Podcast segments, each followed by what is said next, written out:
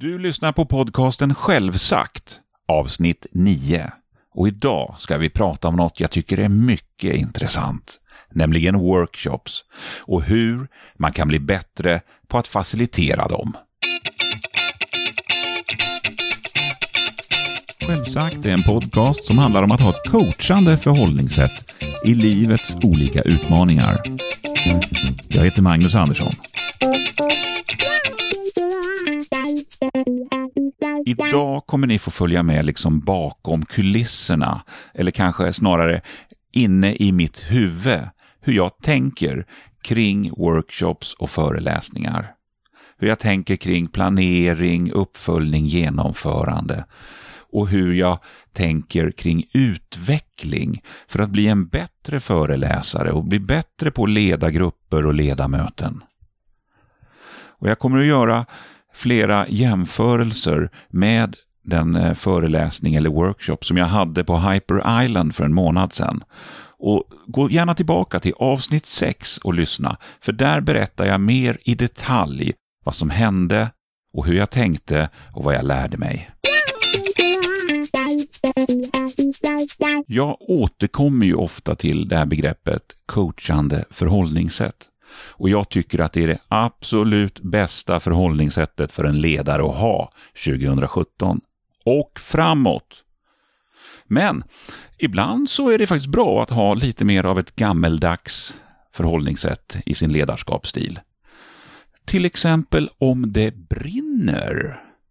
Då är det inte så jättebra att gå fram till människorna i byggnaden och säga hur känns det? Mm, lite varmt. Vad tänker du då?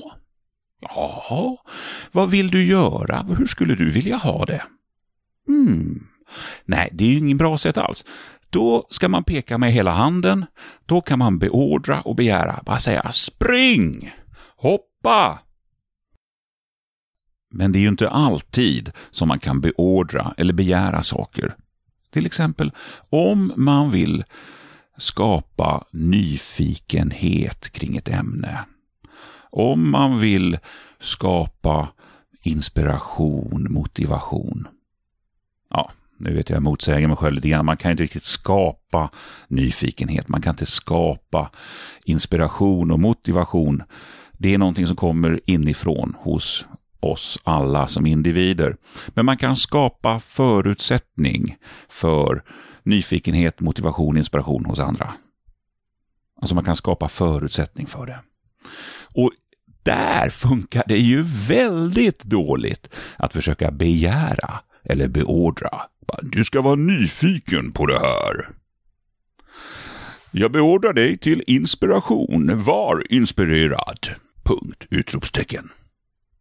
Men det funkar inte. Nej, det funkar inte att begära nyfikenhet eller beordra folk till att bli motiverade. Jag tänker ju att när jag planerar en föreläsning eller en workshop, då är ofta min förhoppning att deltagarna de ska gå därifrån inspirerade och motiverade. Och likadant när jag pratar med olika beställare. Då kan de säga så här att vi önskar att efter föreläsningen, så när folk samlas kring kaffeautomaten så ska de stå och bubbla och prata om det här och att de ska vara nyfikna. De ska kunna berätta och ställa frågor. Jag gillar ju det. Jag gillar det här målet. Jag tycker det är ett bra mål att ha när man sätter ihop en föreläsning eller workshop. Men problemet är ju att det här är ju ett mål som inte jag kan styra över. Som föreläsare eller workshopfacilitator, jag kan ju inte styra över det. Det här är inte mitt mål. Det här är väl vad man skulle kunna kalla för ett effektmål. Det är en effekt som kan komma ut efter att man har uppnått de målen man har på föreläsningen. Och Det här har blivit tydligt för mig nu när jag har kört mina senaste föreläsningar och senaste workshops. Att jag kan inte kontrollera vad som händer efter. Jag kan inte, hur mycket jag än vill, motivera och inspirera deltagarna. Och Det här är bra att det här blir tydligt för mig. För att det här fick mig att börja rita och tänka. Jag ritade en bild där jag hade en pil som pekade på ett mål. Och det här målet var effektmålet. Att eh, deltagarna skulle vara nyfikna på det här ämnet, att man skulle ha väckt någon sorts nyfikenhet och att de skulle ha blivit eh, mm, inspirerade och sugna. Så jag drog en pil mot det målet. Och så insåg jag att jag måste sätta ett streck någonstans på den här pilen. Det där strecket, det, det motsvarar mitt mål. Vad är det jag kan göra för att på något sätt hitta den här riktningen mot målet? Vad är det jag kan göra på föreläsningen?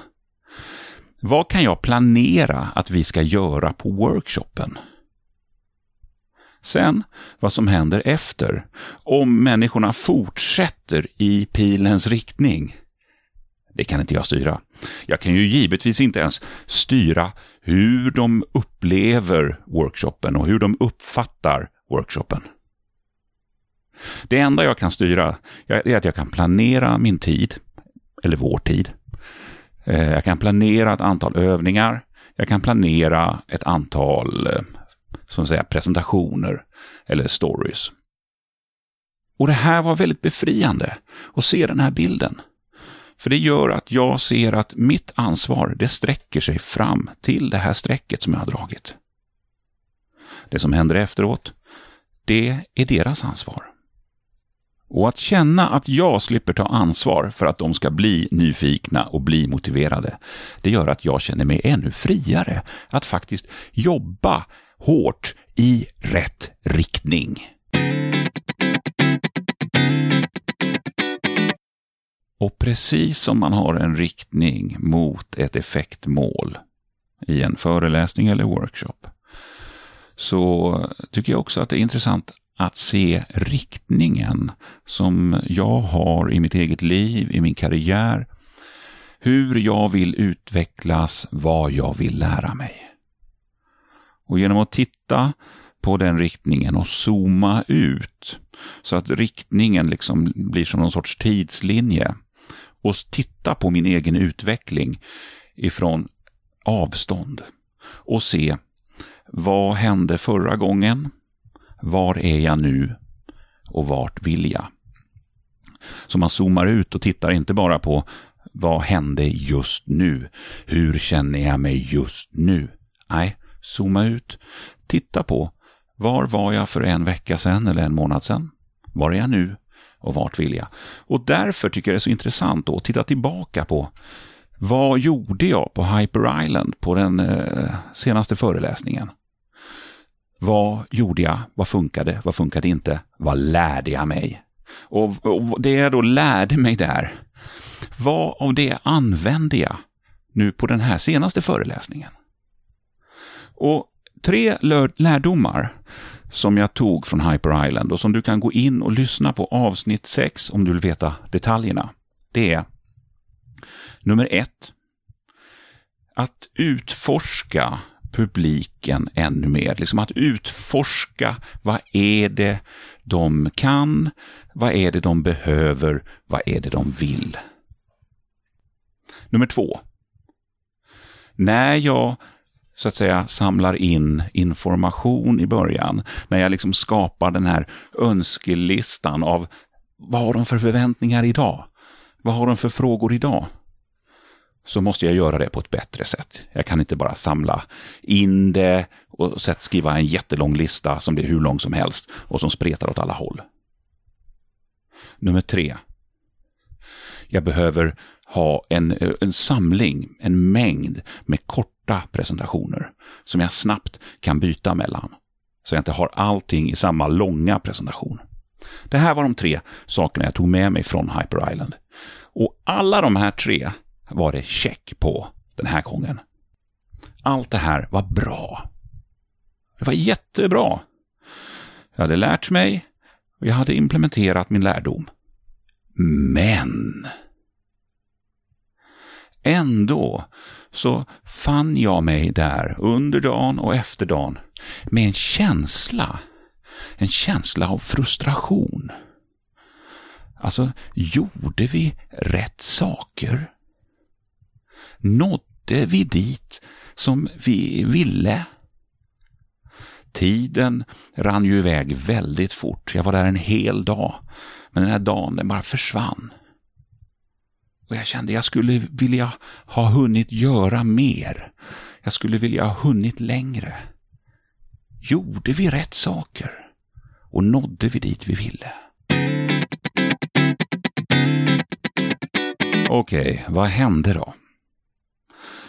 Jag började morgonen med en jättebra icebreaker och energizer. Alltså en övning för att bryta isen, för att få dem att komma igång och känna sig trygga. Jättebra. Jag kommer att lämna en beskrivning av den på hemsidan eller i beskrivningen av podden. Sen gjorde vi den här insamlingen av deras förväntningar, deras behov, önskningar och frågor. Jättebra. Mm? Men det jag inser när jag står där och har den här listan, som är så bra och så fin, det är att den stämmer ju inte riktigt med den liksom initiala beställningen som vi gjorde när jag träffade min beställare. Den stämmer inte riktigt med vad jag har förberett mig, för jag har ju förberett mig utifrån den här intervjun med min beställare. Den stämmer inte riktigt med det jag har tagit med mig. Jag hade nog trott att några frågor som skulle komma upp, det har med själva grunderna att göra. Alltså vad är egentligen agila metoder? Vad, vad är det? Och varför ska vi bry oss? Varför är det viktigt? Vad ska vi ha det till?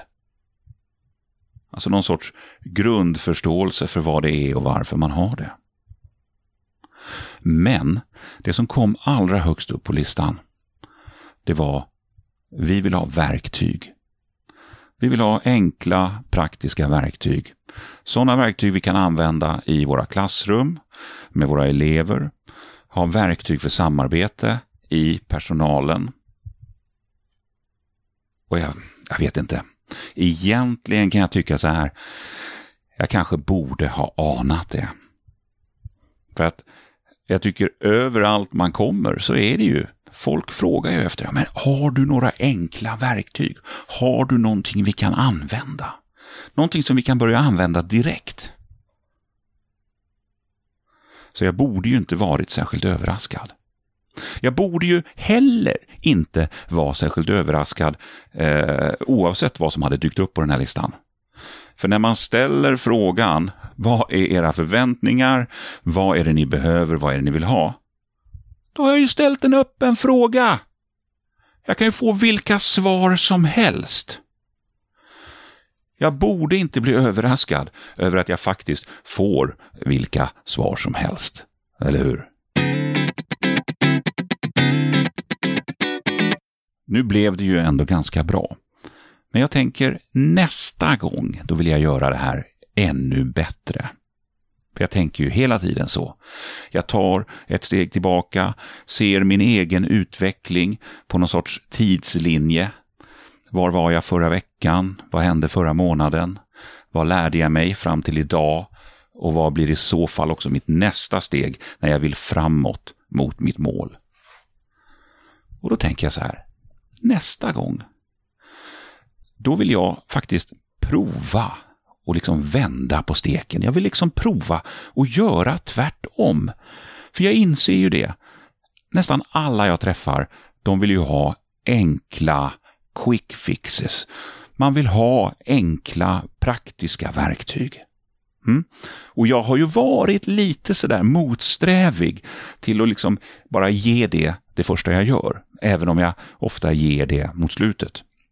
Och det har att göra framför allt med att jag tycker att det är viktigare att fråga sig så här, okej, okay, vad är problemet? Inte slänga fram en lösning. För den här lösningen kanske inte funkar för eh, den publiken jag har just då. Den kanske inte alls, den kanske inte alls mappar mot deras problematik. Så jag brukar alltid börja med, vad är problemet? Vad är era största problem? Vad skulle ni vilja lösa? Och så hitta verktyg utifrån det.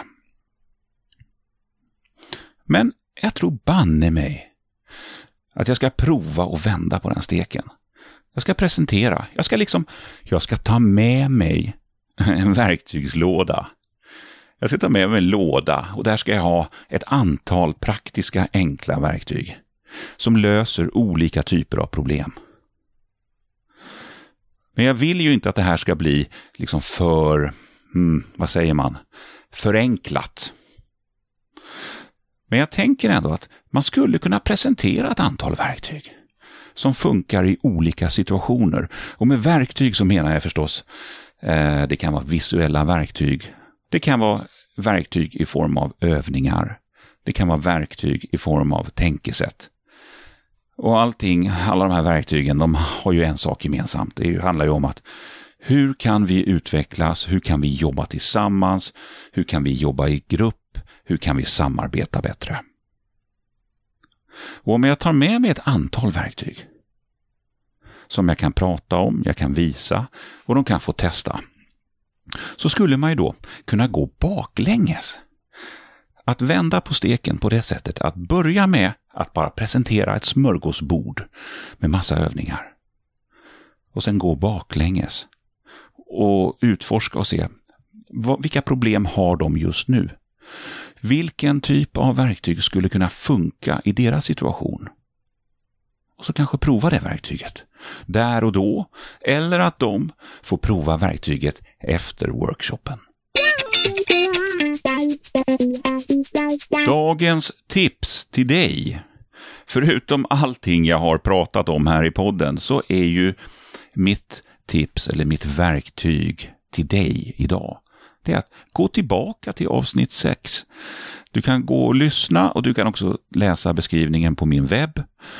Där beskriver jag hur jag samlar in på ett kollaborativt sätt alla förväntningar, önskemål och skapar en sorts prioriterad önskelista.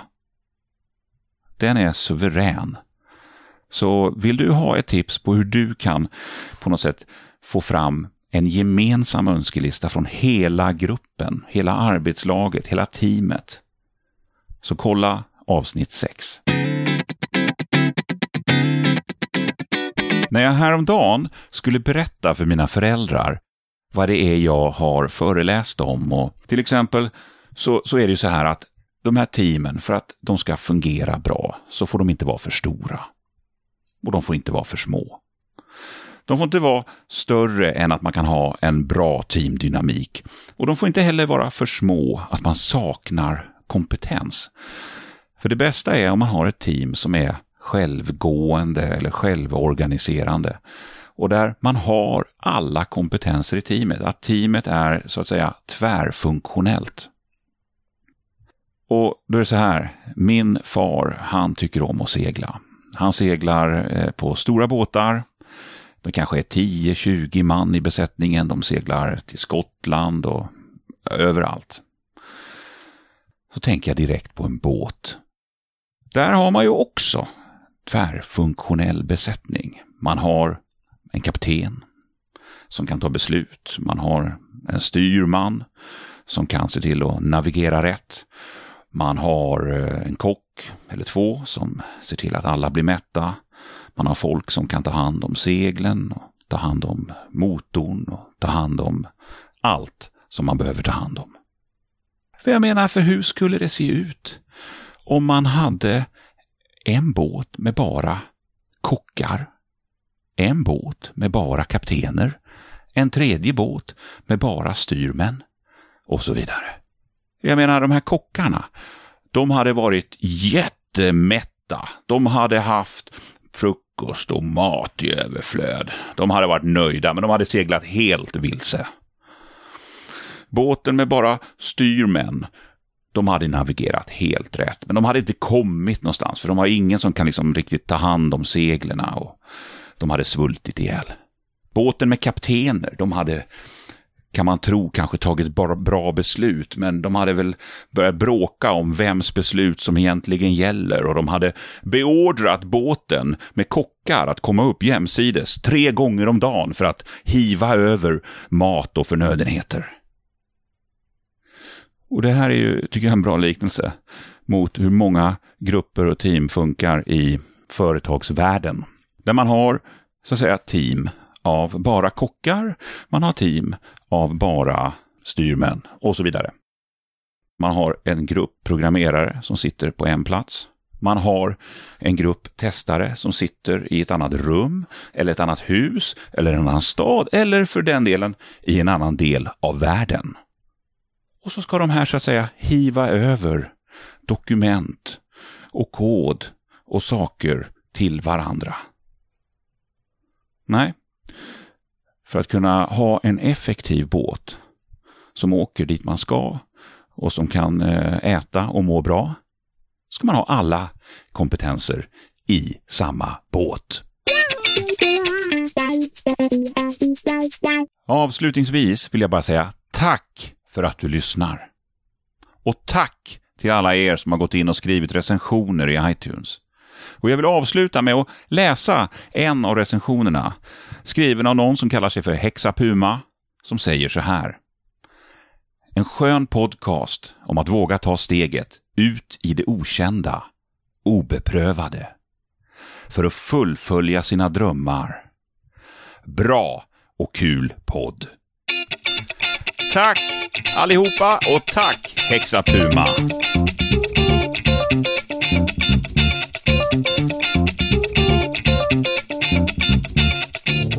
Den här podcasten är producerad i samarbete med Ideate. Information och länkar hittar du som vanligt i beskrivningen och på hemsidan www.ideate.se.